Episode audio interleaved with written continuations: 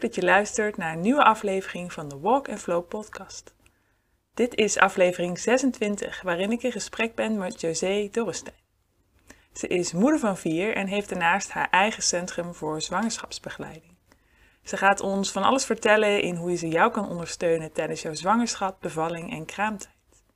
Heel veel luisterplezier. José, om jou in onze podcast te hebben. En het is misschien wel leuk om te vertellen, wij kennen elkaar eigenlijk vanuit het beeld. Hè? En um, inmiddels woon jij niet meer in het beeld. Dus misschien is het ook leuk om te vertellen waar je nu zit. En vanuit daar ook nou, dat de luisteraars met jou kennis kunnen maken. Ja, helemaal goed. Ja, we kennen elkaar inderdaad in het beeld waar ik tien jaar heb gewoond. En waar wij een hele korte periode even samen gebruik maakten van uh, dezelfde ruimte om yoga te geven. Klopt, ja. Ik uh, woon inmiddels uh, nu een jaar in, in de Betuwe, in Echteld. Want wij waren al heel lang op zoek naar een, uh, ja, een, een woning of een huis uh, met meer ruimte, met name eromheen. We woonden in de beeld hartstikke leuk. Uh, maar we hadden allebei het verlangen om echt vrijer en vrijer af te wonen. En, en ook om onze kinderen dat, dat mee te geven. De, ja, meer de verbinding met de natuur. -hmm. En uh, toen, uh, nou ja, kwamen we heel lang zoeken hieruit. Ja. En, uh, ja.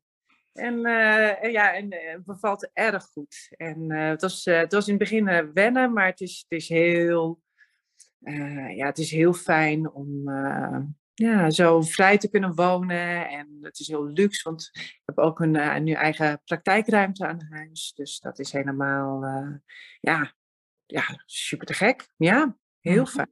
Ja. ja, mooi. En je zei al, we kennen elkaar inderdaad, het stukje de yoga hadden we gemeenschappelijk. Want ben je daar op dit moment nu nog mee bezig? Of hoe ziet jouw uh, nou ja, dag bijvoorbeeld zoals vandaag eruit? Yoga ben ik uh, niet meer zo mee bezig. In, in de zin van dat ik aparte yogalessen geef. Yoga is voor mij meer een onderdeel geworden van uh, het werk wat ik doe. Dus het komt terug in, uh, in bijvoorbeeld als ik kraamtijdbehandelingen geef, dan vind ik het uh, altijd heel mooi om dat als onderdeel van, van een kraamtijdbehandeling te doen, omdat ik wel de kracht van yoga zo belangrijk vind. En wat ik ook nog wel doe, is zijn de, de zwangerschapsretretes.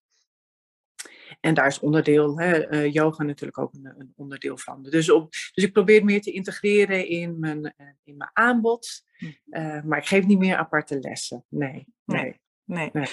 En hè, jouw aanbod, nou, jij, jij, werkt, nou, jij werkt met zwangere vrouwen. Eigenlijk het zwanger zijn voor, de na, tijdens staat bij jou centraal. Ja. En wat kun je daar wat meer over vertellen, hoe dat zo op jouw pad is gekomen? Ja, dat kan ik zeker. Dat is, uh, nou, ik ben zelf moeder van, uh, van vier kinderen. Dus uh, was altijd al mijn grote wens als klein meisje. dat iedereen zei van wat wil je worden? Maar bij mij was het toch eigenlijk vooral ook moeder wat dan naar boven kwam. Um, en ja, kinderen hebben altijd wel mijn, mijn ja, um, interesse gehad, het werken met kinderen. Ik heb heel lang in de jeugdhulpverlening gewerkt. Oké. Okay. Uh, en um, vervolgens um, uh, merkte ik dat ach, we deden zoveel met de kinderen. Um, maar ik dacht, dat is toch niet daar waar precies het probleem ligt. Volgens mij is het hè, in het veel meer systemisch. Okay. Uh, dus ben ik ben ik gaan kijken wat daar dan bij past. En heb ik vervolgens weer heel lang in, um, als gezinsbegeleidster gewerkt. Okay. En dan specifiek uh, met uh, gezinnen waarbij de ouders uh, verslavingsproblematiek hadden of psychiatrische problemen. En dan ook daarin een stuk opvoedondersteuning. Naast alle andere multiproblems, multiproblem situaties die er zich voordeden. Um, maar het uitgangspunt is altijd het kind geweest. Mm-hmm. Vervolgens um, merkte ik nou ook, ook hè, dat, dit, dat dat jasje me niet meer paste. Was een transitie binnen de jeugdzorg ook gaande. En dat ik mezelf ging afvragen, en wat, wat wil ik nu? En, um, en heb ik mezelf de tijd gegeven eigenlijk om een beetje te experimenteren met wat ik, wat ik wilde doen. Dus ik ben eerst uh, kinderyoga gaan, een opleiding kinderyoga gaan doen. En ik ben vervolgens uh, een opleiding tot kindercoach gaan doen. En toen dacht ik, nou, ja, ik heb toch zelf uh, al voldoende kinderen thuis, want ik had toen op dat moment drie kinderen al. En uh, toen dacht ik, nou, dit is hem toch niet. Ehm, en op mijn werk inmiddels besloten dat ik daar ging stoppen. En gewoon echt helemaal mezelf de ruimte gaf om te ontdekken wat ik wilde doen. En tegelijkertijd daarmee werd ik in raakte ik zwanger van, van ons vierde kindje. En uh, deed ik zwangerschapsyoga zelf. En vond ik dat ontzettend leuk om te doen. Toen dacht ik, oh, nou, ik, uh, ik heb al kinder, uh, kinderyoga gedaan. Dat, ik kan ook wel gewoon de uh, zwangerschapsyoga doen. Dus toen ben ik de opleiding zwangerschapsyoga gaan doen. En uh, toen merkte ik, oh, het begon zo ontzettend te stromen. Alles rondom die zwangerschap. En ik merkte ook dat ik zelf een enorme magneet werd voor alle verhalen van vrouwen die uh, kinderen hebben. en hun eigen ervaring met mij deelden. Mhm. En ik ervaren daarin. En echt anders dan de voorgaande drie zwangerschappen, waarin vrouwen ook wel natuurlijk hè, hun zwangerschap verhalen deelden of bevallingsverhalen deelden, maar op een hele andere laag. En ik merkte nu, ik uh, zwanger was van, uh, van Pelle, zo heet mijn jongste, uh, dat ik ja, zoveel verhalen hoorde van vrouwen die ingewikkelde bevalling hebben gehad of zware zwangerschappen. Ehm, aan hun nog steeds aan het gedrag van hun eigen kinderen merkte dat, uh, nou ja, of gedrag dat eigenlijk te herleiden was nog naar, naar de bevalling. Ja. dus kinderen die, die uh, op een bepaalde manier geboren waren uh, en um, een moeizame start hadden en nog steeds, nou ja, struggelden in een dagelijks, dagelijks leven. En wat eigenlijk allemaal te leiden was naar die eerste start. Uh, vrouwen met uh, uh, moeilijk zwanger konden worden of wel nog een kinderwens hadden, maar partner niet. Nou, echt duizenden voorbeelden. het ging ja. maar door. Okay. Dacht, oh, hier moet, ik, hier moet ik wat mee of hier wil ik wat mee. dus toen ik zelf eenmaal de zwangerschapsyoga aan het geven was en inmiddels ook postnatale yoga erachteraan gedaan had, dus ook die lessen, Ehm, ben ik zo gaandeweg uh, dat voor mezelf gaan uitbreiden en me meer gaan richten op uh, de coaching. En uh, vrouwen ondersteunen die nou ja, met precies daar wat, wat ik net omschreef tegenaan liepen. Want als je zwanger bent, dan zit je in zo'n enorme transformatie. En dat, uh, ja, dat, dat ervaart iedereen op zijn eigen manier. En, uh, maar ja, dat, dat, dat het verandert en dat je leven verandert, dat is wel een gegeven. En, um, en ja, ik, sommige vrouwen lopen daar gewoon ook heel erg in vast. Of is de verandering te groot? Of komen ze in één keer stukken van zichzelf tegen die uitvergroot worden tijdens hun zwangerschap? Of komen we in één keer tegen dat hun relatie met de eigen ouders toch uh, ja, meer bepalend is dan dat ze op dat moment in hun leven dachten. Of in één keer bewust worden van, oeh, maar wat ga ik doorgeven aan, uh, aan dit kind? En uh, ja, daar, daar ondersteuning bij willen. Hmm. Ja. Mooi. Ja, dat is eigenlijk het hele plaatje. Ja, natuurlijk het zwanger zijn is al een heel proces natuurlijk los daarvan. Maar je zegt eigenlijk, ik kijk ook naar nou ja, de vrouw daarachter. En inderdaad wat ze zelf mee heeft gemaakt. En misschien dus nog tot heel lang terug. Dus een eigen bevalling of eigen jeugd. Ja. En want ik denk dat dat inderdaad, je hoort nou, ik denk tegenwoordig misschien wel meer de verhalen van hè, dat het ook lastig is, of misschien zwaar. Maar vaak is het misschien toch zwanger zijn, een roze wolk. Dat is allemaal helemaal leuk. Maar jij ziet dus echt wel ook de andere kant eraan. Dus misschien. Ja, ja. ja. ja inderdaad. En, uh, en ook gelukkig de roze wolk, die komt ook voorbij. Ja. maar ja, toch heeft, hoor ik eigenlijk ook bijvoorbeeld in de zwangerschapsretretes die ik geef iedere vrouw heeft haar eigen verhaal. Of het in de aanloop is naar de zwangerschap. dus uh, moeite hebben met, met, met de conceptie. Of uh, dat de zwangerschap maar uitblijft. Of um, tijdens de zwangerschap bijvoorbeeld het fysiek heel zwaar hebben. echt heftige klachten tijdens die zwangerschap, waardoor het genieten ja, moeilijk is om te genieten. Of vrouwen die inderdaad heel angstig zijn heel veel vrouwen die bij mij komen, die ja, hebben angsten vanwege bijvoorbeeld ja, eerdere miskramen, eh, moeilijk vinden om zich dan nu echt over te geven aan deze zwangerschap of te vertrouwen op dat deze zwangerschap dan goed gaat. Ja, uh, ja dus um, ja, en, uh, echt, en, weet je, en het is zo mooi dat het allebei naast elkaar kan bestaan ook vaak. Hè? Dus en gelukkig kunnen zijn met je zwangerschap, mhm. maar ook merken van, oeh, maar het gaat niet vanzelf. Of ik kom inderdaad echt uh, stukken van mezelf tegen die, waarvan ik dacht dat ik het al op had gelost bijvoorbeeld, hmm. maar nu weer naar boven komen. Ja, ja. Hmm.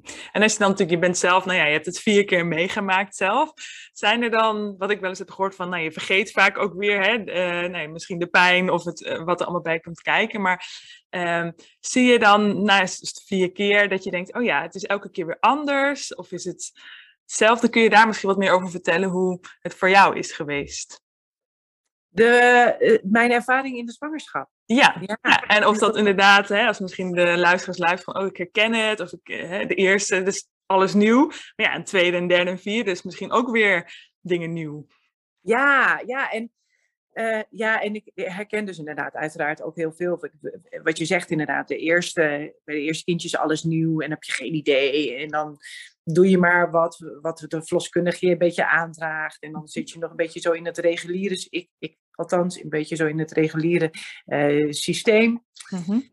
En, uh, en, en helemaal goed. Uh, maar je, je merkt inderdaad met iedere zwangerschap dat je zelf natuurlijk ook volwassener wordt. Een ja. andere kijk krijgt op misschien ook het leven en het en, en, zwanger zijn. En dat je je gaat afvragen van of dingen ook inderdaad niet, niet anders kunnen.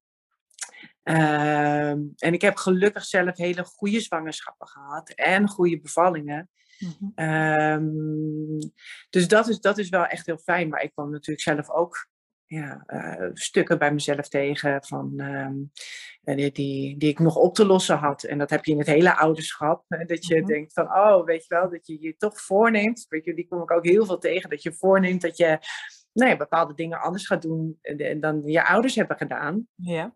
Wat heel logisch is. Maar daarin leggen vrouwen soms echt de lat vrij hoog voor zichzelf. Hmm. Uh, en zit, nou ja, raken daarin ook, ook teleurgesteld. En uh, uh, dat is iets wat, wat ik tegenkom, wat ik bij mezelf ben tegengekomen. Maar ook wat, wat bij mij heel erg speelde, was dat ik ben mijn vader jong verloren. Hmm. En op het moment dat je dan kinderen krijgt, dat, dat er toch weer opnieuw een ander rouwproces mm uh, ontstaat. Omdat je dan, ja, je kan je eigen kinderen niet laten zien uh, uh, aan je vader. Ehm, je, je, kan dat stuk niet delen. En ehm, ja, dat weet je, ik ontmoet ook veel vrouwen die inderdaad, die bijvoorbeeld, of als je je eigen moeder of vader bent verloren, of tijdens de zwangerschap natuurlijk een dierbare verliest. Ja, dat is, dat, ja, dat is heel heftig, omdat um, ja, jij wel het leven doorgeeft. Ja. ja. en je dat zo graag dan met, die, met diegene zou willen delen. Uh, ja, dus dat zijn dingen die, ja, waar je uh, ja, wat gezien mag worden. Ja. ja en wat aandacht mag en ruimte mag. Want dat is het ook zo. Hè? We, we, het is vaak om, zijn we, hebben we vaak een hoge standaard van leven. Mm, en je, je, gaat door, en dat merkte ik ook tijdens je zwangerschap. Bij, bij mijn eerste dochtertje uh, ging ik inderdaad binnen dat, binnen dat termijn van, uh, wat was het, 16 weken verlof. En we hup, came meteen daarna weer aan de slag, aan het werk. Weet je wel. Met ieder kind kwam er meer verlof bij. Tot, en uh, tot ik op een gegeven moment een half jaar zat. En bij, bij de vierde, dus inderdaad, nee, toen ging, zat ik in de transitie naar eigen onderneming, maar heb ik gewoon volledig de tijd genomen. Uh, dus uh, ja, dus de, ja, daar, daar ontwikkel, je, ontwikkel je jezelf natuurlijk ook in. Uh, maar het tempo van leven, dat, dat, is, dat, is, dat is vaak heel snel. Dus we staan soms, vind ik in ieder geval, en ook wat ik tegenkom, weinig stil bij, wow, wat gebeurt er nou eigenlijk allemaal? En wat verandert er nou eigenlijk allemaal? En die, en die rust en die, en die bezinning daarin, of echt even reflecteren. Uh, ja, ik zie, ik zie dat dat soms nog in mijn ogen wat weinig gebeurt. En ik denk, oh, daarom, daarom vind ik het ceremoniële werk wat ik doe dus zo ontzettend belangrijk. Omdat daar, uh, in de coaching gebeurt dat ook. Eigenlijk in al het werk wel wat ik gebeurt, probeer ik daar toch echt wel de, de, tijd en de ruimte voor te nemen. Maar, dat, uh, met, maar met name in de ceremonies, dat is echt op een... ja, echt op de ervaring, fysiek, en emotioneel. dat je een overgangsfase markeert. Dus Mhm. tijdens die zwangerschapsceremonie, dat je echt stilstaat bij, wow, je bent nu zover in je zwangerschap en je gaat door naar het moederschap. Ehm, en, en daarbij stilstaan, dat echt even ervaren en belichamen. Ehm, en ook tijdens de sluitingsceremonie die ik doe, dus dat is dan na je kraamtijd, echt de overgang om dat af te sluiten, om ja, weer, als je weer richting het werk gaat, daar even naar stil te staan, even te voelen en te belichamen van wat, ja, wat die ervaring allemaal met je gedaan heeft. En weer even energetisch terug te komen in je eigen lichaam. En ja, dat gun ik echt alle vrouwen om even woef, want, uh, tot rust te komen. Want Ja. ja, Ja. Vanuit, ja, vanuit die rust, dan kan je pas eigenlijk overzien wat het allemaal met je gedaan heeft. Terwijl soms ha- haalt, uh, haalt het jou anders op een gegeven moment in. En dat je op een gegeven moment toch vast gaat lopen als je weer aan het werk bent. Ehm, ehm, en je, je- ergens voel je wel van, oh, er, hè, er zit iets of er sluimert iets. Of eh, je zegt af en toe een keer tegen je partner van, nou, ik vind het best wel heftig. Of eh, je haalt een keertje eh, in je kraamtijd. eh, maar je denkt, nou, hè, ik veeg ze weer weg en ik ga weer door. En totdat je op een gegeven moment daar toch in vastloopt. Omdat ja, eh, je jezelf weinig rust gunt om eh, te bezinnen. Ja. Ja, en merk je dat dan, is dat zo in ons, eh, wat je zegt, hè, dat snelle, nou ja, die, die 16 weken, merk je dan dat in het, het systeem zou dus dan eigenlijk anders ingericht moeten worden? Of hoe, hoe ondersteun jij daarin? Want jij bent er denk ik voor het moeder, voor het kind, je noemde al partner. Ehm, hoe werk jij dan bijvoorbeeld als ehm, iemand bij jou aanklopt of jou contact?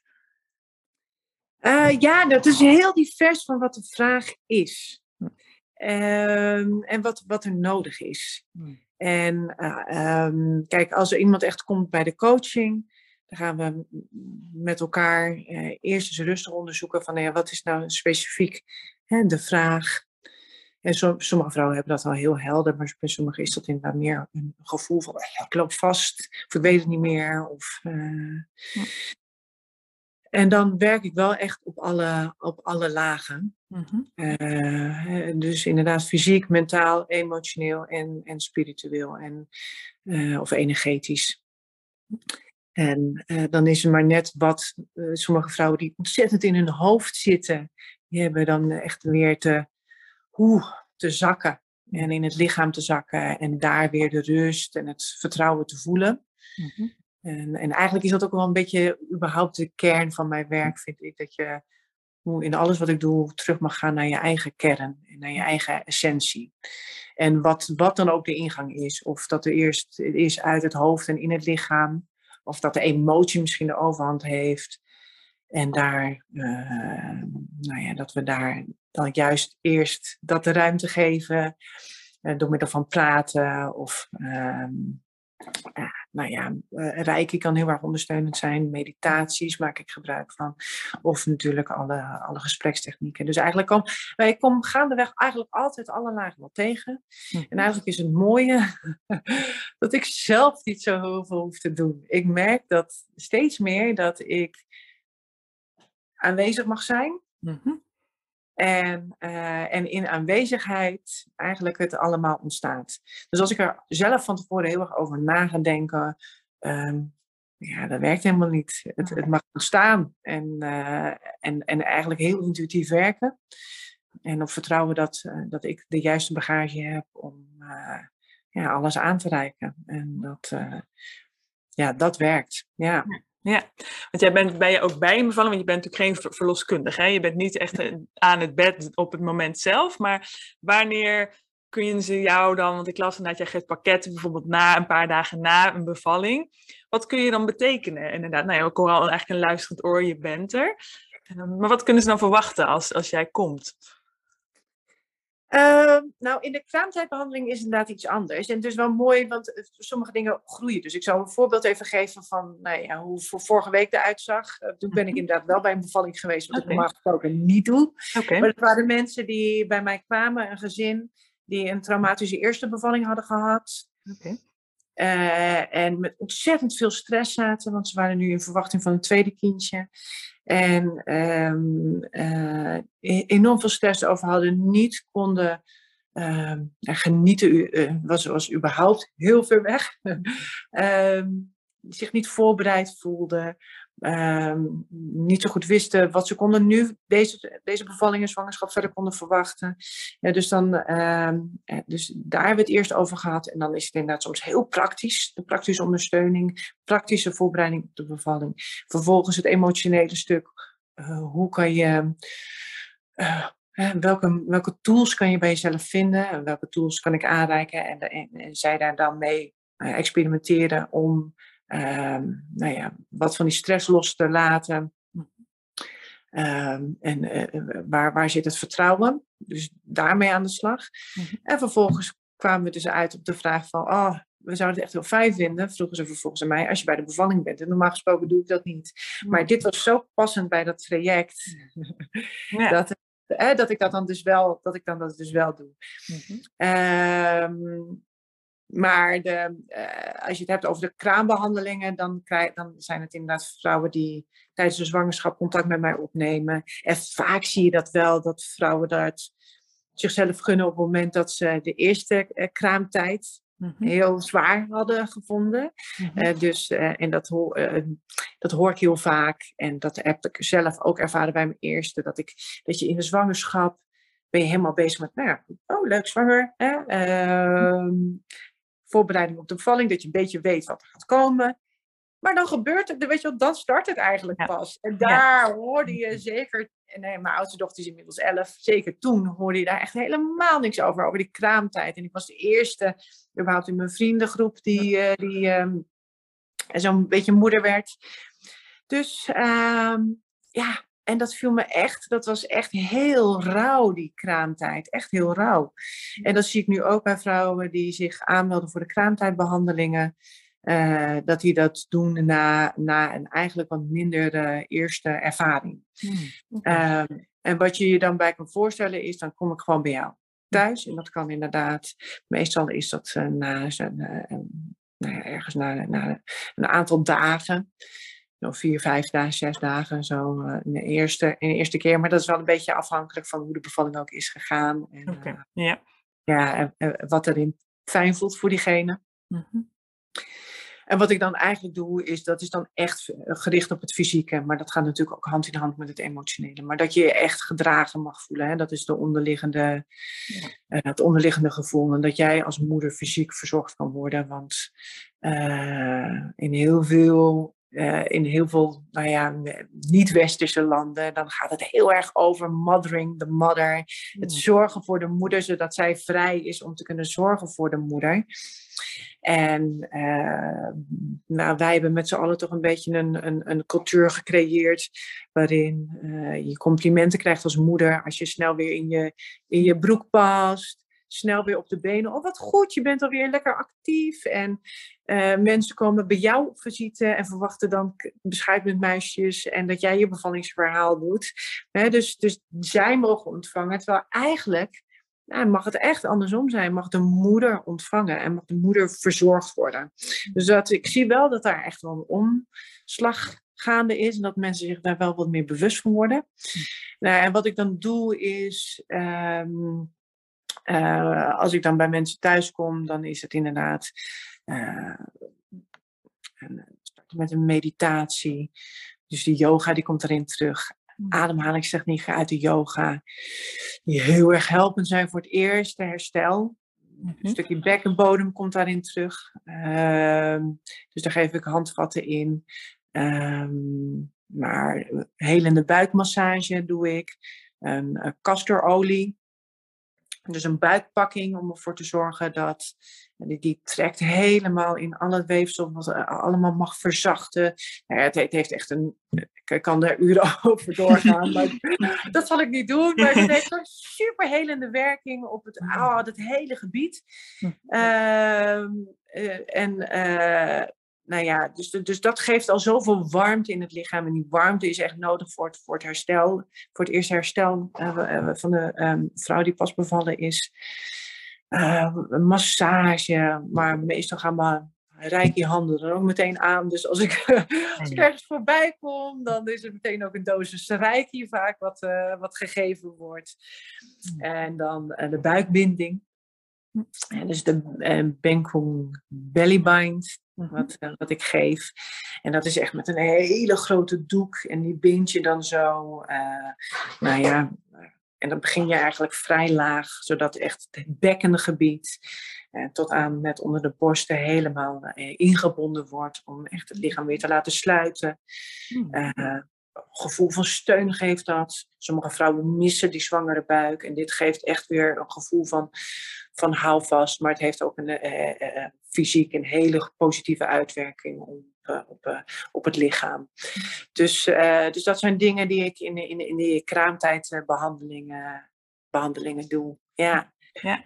ja, mooi dat je zegt dat in heel veel niet-westerse landen er heel anders is mee om wordt gegaan. Want hoe, ik weet volgens mij nu voor de partner, die hebben nu, dat was toch ook een paar dagen, dat daar nu wat meer, uh, hè, dat die wat langer de tijd hebben om ook bij moeder en kind te zijn.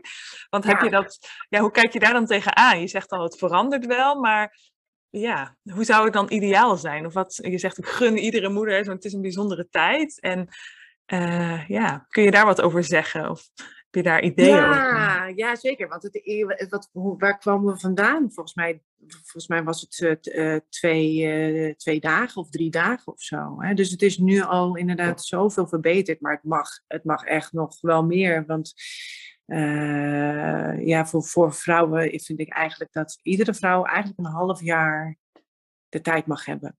Want nu is het zo, meestal starten de vrouwen toch weer na, na drie maanden met werken. Mm -hmm. En eigenlijk zie je dat vrouwen dan pas een beetje landen in de nieuwe situatie. Dus je bent, hè, je kind is een beetje geland op aarde. Jij bent een beetje geland in, de, uh, ja, in het moederschap. Ja.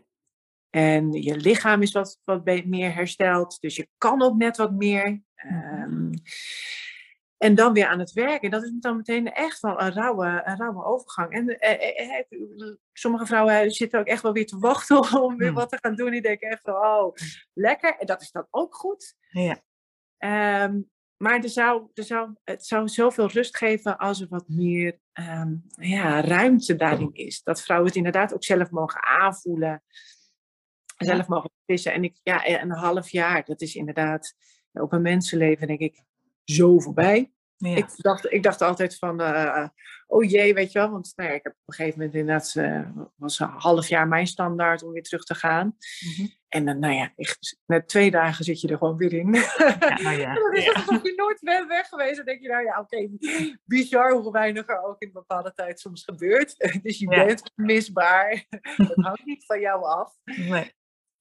Um, Nee, dus ja, ik zou dat heel graag zien, dat vrouwen veel, en mannen ook natuurlijk. Want ja, uh, het is heel mooi dat we in Nederland de ruimte hebben om uh, kraamverzorgster. Ja. Maar je ziet, uh, de realiteit is dat, dat vak kraamverzorger, dat er gewoon te weinig kraamverzorging is op het moment. Oké.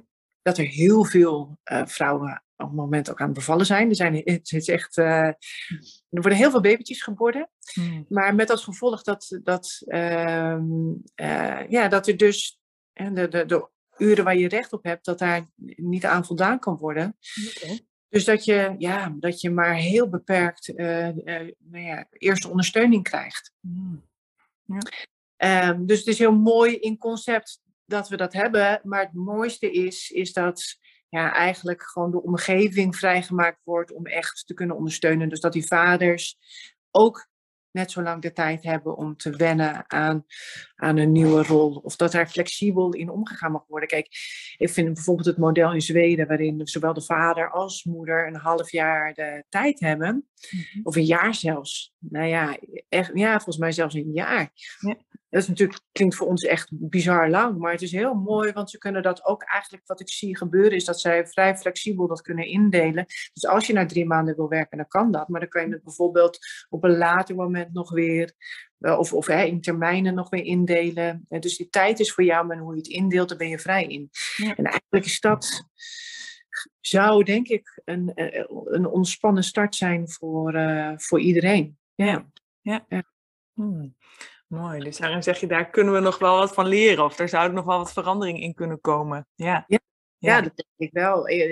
En zeker voor, uh, ja, ik denk, als je, als je beseft dat die, dat die eerste periode van die, van die kindjes zijn zo vormend. Het is gewoon zo vormend. Die eerste vier jaar is, hè, soms sommigen zeggen dat de eerste vier jaar van je leven eigenlijk ook echt bepalend is voor de rest van je leven.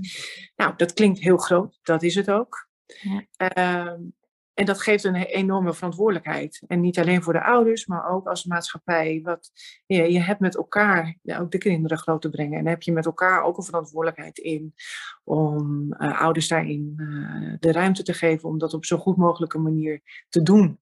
Hmm, ja. En ja, en we, dus, hè, dat hele tijdsbesef, dat is zo vanuit het lineair denken. Ja.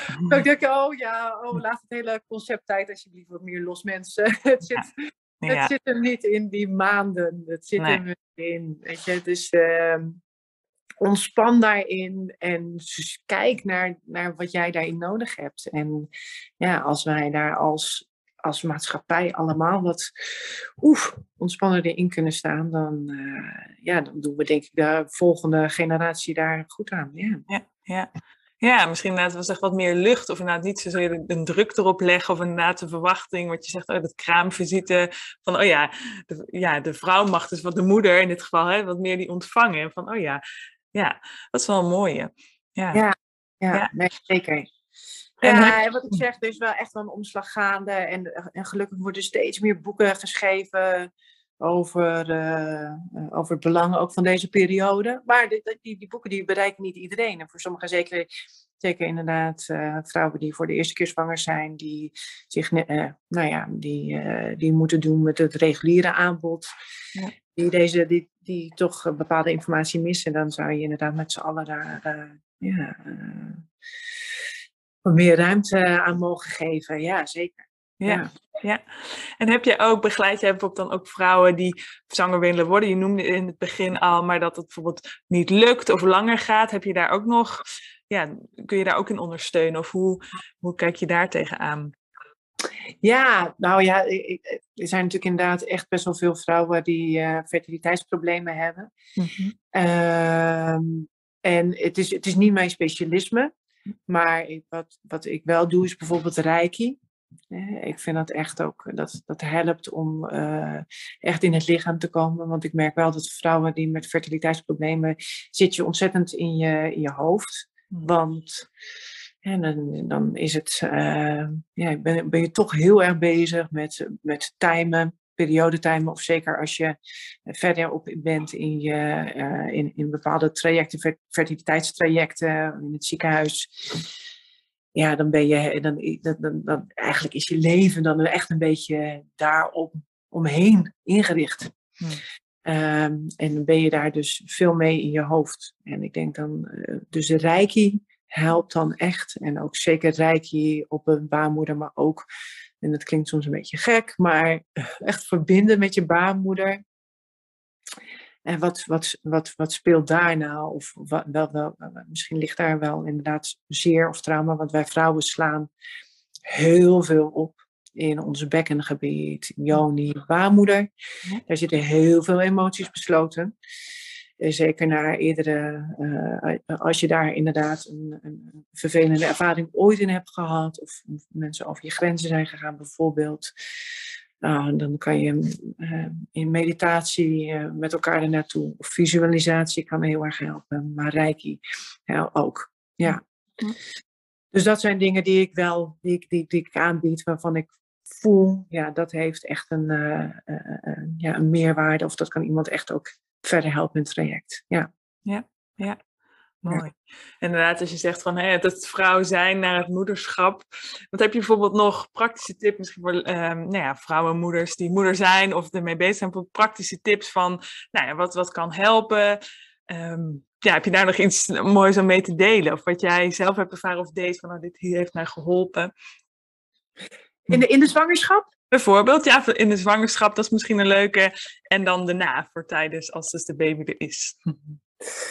Uh, nou, wat, een, een, een, praktische tip. Nou, wat ik ik weet niet of het is niet per se praktisch, maar wat ik echt merk eh, en wat ook wel een beetje mijn ding is, en zo, zo begon ik eigenlijk ook de podcast van oh, het kind is altijd het uitgangspunt geweest. Mhm.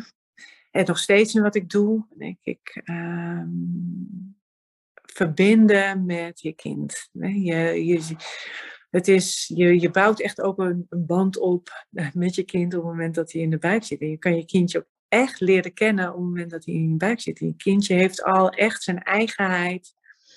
ik ontdekte dat ook, weet je wel, iedere zwangerschap was de, eh, bewogen de kindjes ook anders. Hmm, ja, en dus, de, dus en, en, en zo als ze in de buik bewegen, zo bewegen ze ook uit de buik. Oké, okay. oh, wat grappig, ja. dus uh, dus mijn, mijn, uh, mijn oudste dochter was bijvoorbeeld, weet je wel, die, die, die, die, die nou ja, krioelde een beetje in de buik. Hè? Dus die, die uh, maakte hele zachte bewegingen en dat was als een vlindertje in de buik. En, en zo, ja, zo, zo was ze ook echt als babytje, weet je wel, heel, heel dichtbij. En als ze maar kon kroelen. En mijn zoontje, die, nou, die gaf echt rake klappen uit, weet je, mijn tweede dan, in, eh, tijdens de zwangerschap. Dus het was heel anders. En die was ook als baby veel driftiger. En die was veel meer, uh, nou ja, die liet echt van zich af op een hele andere manier weer van zich horen. Dus en dat is één, één manier om je, om je kindje te leren kennen. Maar er zijn nog eh, echt je afstemmen op je kindje. Uh, en, en, dat kan je echt doen door gewoon de stilte op te zoeken. En in de rust te gaan. En dan is even gewoon te voelen van, oh hé, hey, maar hoe voel, hoe voel ik me vandaag? En vanuit daar, nou, en hoe voelt mijn kindje? En hoe, wat is de energie van je kindje? En dat klinkt soms voor sommigen nog een beetje ver of vaag. Mhm. Maar ik heb echt, ehm, ja, je kindje heeft echt zijn eigen energie. En je kan je daar echt op afstemmen. Dus het is zo mooi om, om, dat, uh, om dat te kunnen doen. En, en ehm, ja, dat geeft al, al een andere verbinding op het moment dat je, uh, dat je um, nou ja, de kraamtijd ingaat. En die kraamtijd, ja, wat daar voor mij voor geldt, is dat je inderdaad rust. Het is zo'n korte periode. Je mag echt, sommige vrouwen worden echt, nou en ik herken dat ook echt hoor, niets is mij vreemd, maar dat je dan denkt een week op bed, serieus. Maar, uh, ja, je, je, je, je, kan jezelf geen betere start gunnen dan gewoon vanuit rust. Rust, rust. Het is zo'n zo'n belangrijke. En, en, en, en je kindje de tijd geven om je kindje te leren kennen. Want je denkt, uh, nou ja, ik ben nu moeder, nu moet ik het weten. Maar je mag samen, je mag samen daarin groeien. En, uh, en ontdekken van, oh wacht even, zo ziet honger eruit. Oh wacht even, zo ziet het eruit als die moe is. Oh wacht even, zo ziet het eruit als die net geboekt heeft, ik noem even iets. Hè? Maar die, ja, dus je, dit is, dit is een, het is echt een, een, een hele ontdekkingstocht. En uh, ja, dus rust is voor mij wel echt een heel belangrijk kenwoord. Ja. ja. Oh en bedoel je dan rust en dat je zegt zo'n week, dat, wat, hoe, hoe een vrouw het lichaam moet ik ook herstellen. Maar jij zegt dan echt pak die rust. Of uh, ga bijvoorbeeld ook wandelen. Hoe kun je daar nog iets praktisch, hoe dat er dan uitziet? Nou, echt de eerste week gewoon echt zoveel mogelijk bedrust. Oké. Ja, dat is echt super belangrijk voor je herstel. Ehm, want je moet je zo voorstellen, in al die negen maanden dat je lichaam ruimte heeft gemaakt voor je kindje, heeft, um, hebben je organen, je ingewanden, je longen, alles heeft zo ruimte gemaakt. Maar mag na de bevalling ook weer zijn weg terugvinden naar zijn, naar zijn oorspronkelijke plekje. En je baarmoeder is meteen hard aan het werk om weer te krimpen, want het loslaten van placenta heeft daar wond achtergelaten. Ja. Uh, en die wond die moet herstellen en genezen. En dat doe je echt het beste door te liggen. Uh, want dan vindt je lichaam, uh, eigenlijk de, is, is voor je lichaam het makkelijkst om eigenlijk alles weer zijn natuurlijke plek te laten vinden en warmte. En vanuit de Ayurveda, ik weet dat jullie veel met Ayurveda doen. vanuit de Ayurveda is het heel belangrijk om uh, echt de warmte in het lichaam te houden. Dus warme maaltijden, zoveel mogelijk. Warm drinken, ook al beval je hoogzomer, dan is het nog steeds warmte super belangrijk voor het herstel van het lichaam, voor de doorbloeding van het lichaam, voor het afvoeren van alle afvalstoffen. Dus uh, ja, liggen en dan langzamerhand, zeg maar, per, per week eigenlijk je beweegruimte een beetje vergroten. Dus dan een beetje boven, beneden. Dan langzamerhand, hè, derde week, iets meer beneden. Misschien een keertje om huis.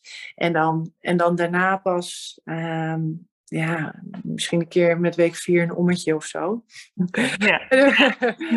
maar voor je bekkenbodem, dat is ook echt, want ik heb, tijd, ik heb lang uh, postnatale yogales gegeven. En veel vrouwen met bekkenbodemklachten. En die ontstaan juist in die periode op het moment dat vrouwen uh, in het begin veel, veel gaan bewegen. Uh, omdat ja, ja, ook je bekkenbodemspieren, alles heeft heeft, uh, is geopend uh, om doorgang te geven voor je kindje. Dus zelfs als dat niet is, uh, en zelfs als je bent bevallen met een keizersnede, de, de zwaarte van, van het kindje tijdens de bevalling, die ook druk heeft gegeven op die bekkenbodem, kan maken dat je, of nee, niet kan maken, maar dat, dat maakt dat je, dat, het, dat je bekkenbodemspieren echt moeten herstellen van de zwangerschap. En dus zeker als je vaginaal bent bevallen van de bevalling. Ja. dus dan is ja, rust daarbij inderdaad essentieel. Dus, um, en ook jij, ja, herstel vindt in de eerste plaats, uh, in de eerste instantie plaats door zoveel mogelijk uh, het rustig aan te doen. Ja. ja, precies. Ja. ja. En dan wel weer te willen. Hè? Dat is misschien ook hoe, wat je mooi schreef. We zijn zo gewend om maar weer gelijk. Oh, hè, we zijn weer er. Oh, goed, je bent weer aan het werk. Dat we dat inderdaad wat meer los mogen laten. En echt ja. het lijf eerst weer op één. Ja, ja, ja, ja. ja. En inderdaad, als je pas, en dan, dat is vaak als je dan weer terugkijkt en je denkt, jeetje, wat, wat maakte ik me druk? Hè? Dat je dan inderdaad voor jezelf verwacht dat je al meteen zo snel als mogelijk up and running bent. Maar als je kijkt over je hele mensenleven, wat die paar weken, ja, ja, dat mogen we onszelf echt wel gunnen. Ja. En je doet, en voor echt voor vrouw zijn, voor je vrouw zijn, is het eigenlijk noodzaak, vind ik, om je, uh, jezelf die rust te gunnen. Want uh, op het moment dat je bekkenbodemspieren goed kunnen herstellen, dan heb je daar gewoon de rest van je vrouw zijn plezier van. En uh, dan heb ik over inderdaad dus het voorkomen van incontinentieproblemen.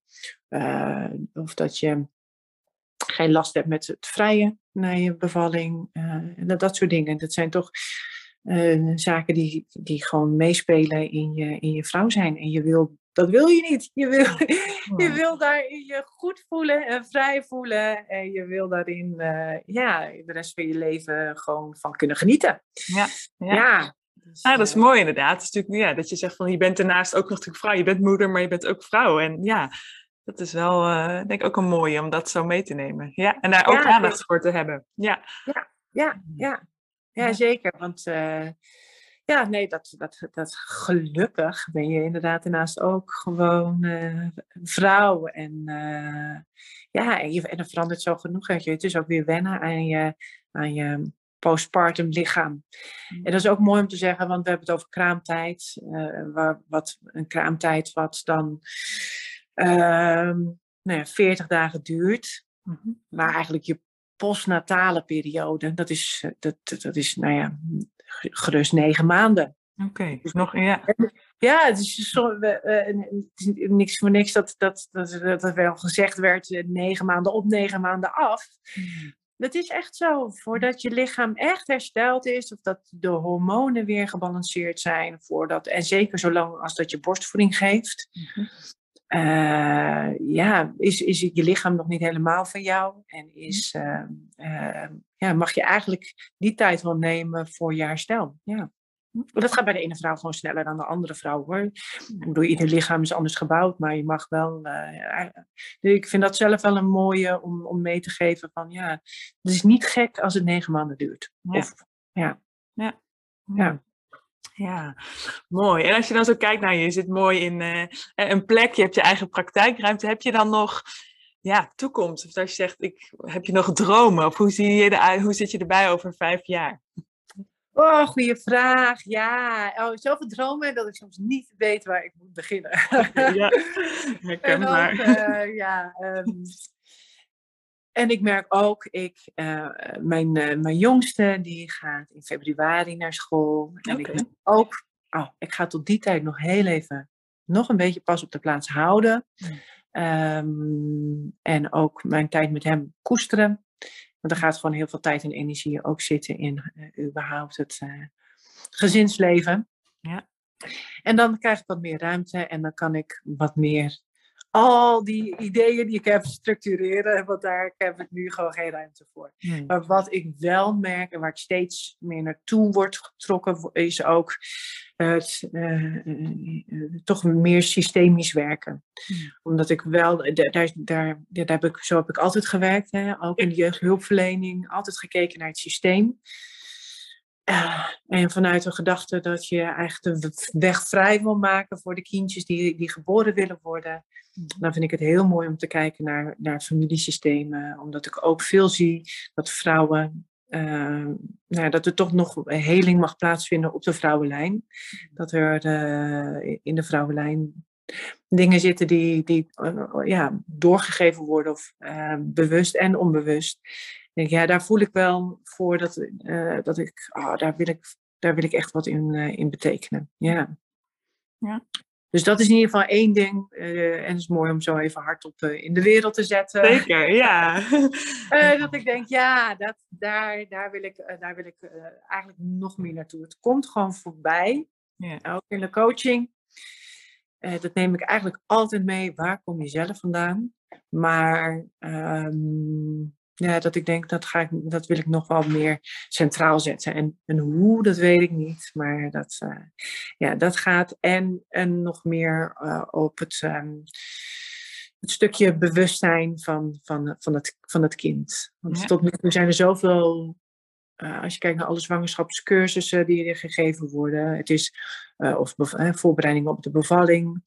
Het is vanuit, allemaal vanuit eh, perspectief van de moeder. En helemaal niet zo heel gek, want Mhm. zij is degene die het doet. En de vader wordt er gelukkig steeds meer betrokken, want ook hij is degene die mee mag. En die draagt met samen of partner, want ik zeg man, maar dat kan natuurlijk ook gewoon partner of bevalpartner zijn, of welke situatie dan ook. Ehm, maar vanuit het perspectief van een baby die gaat komen. eh, ja, ik, ik, dat vind ik zelf ook nog wel een hele mooie om daar wat meer op te richten. Ja, ja echt een cirkel mooi. Dat is echt, het is inderdaad meer dan alleen een moeder en kind. Het is ja, alles eromheen ook. Ja. Ja, ja, en dat geeft ook mee in, eh, tijdens als ik een zwangerschapscursus geef. Je bevalt niet alleen. Hè. We hebben soms zo het gevoel dat we overal wel de controle over kunnen hebben. Maar je kindje bepaalt eh, echt, echt mede het tempo van je bevalling. Ja. Ja, jouw lichaam, maar ja, ook jouw kindje die, die bepaalt ehm, nou ja, eh, hoe snel die wil of niet. En, eh, en dat is mooi, want ook daarin is het echt een, echt een samenspel.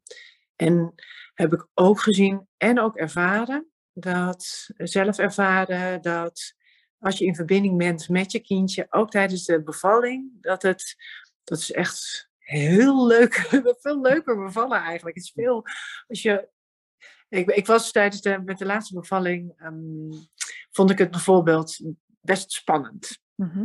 Want ik was met 42 weken nog steeds niet ehm, bevallen. En ik vond het. eh, ik dacht, oh, ik voelde ook aan alles. Dit is een, eh, echt een hele grote baby. Mm. En ik la- lag. eh, en, en, en ik wilde zo. Ik wilde echt niet ingeleid worden tijdens die laatste bevalling. Dat eh, was voor mij echt dat ik dacht, oh, ik ben altijd natuurlijk bevallen. Mm. Het zou voor mij heel vervelend zijn als ik voor, eh, ver voorbij die 42 weken kom.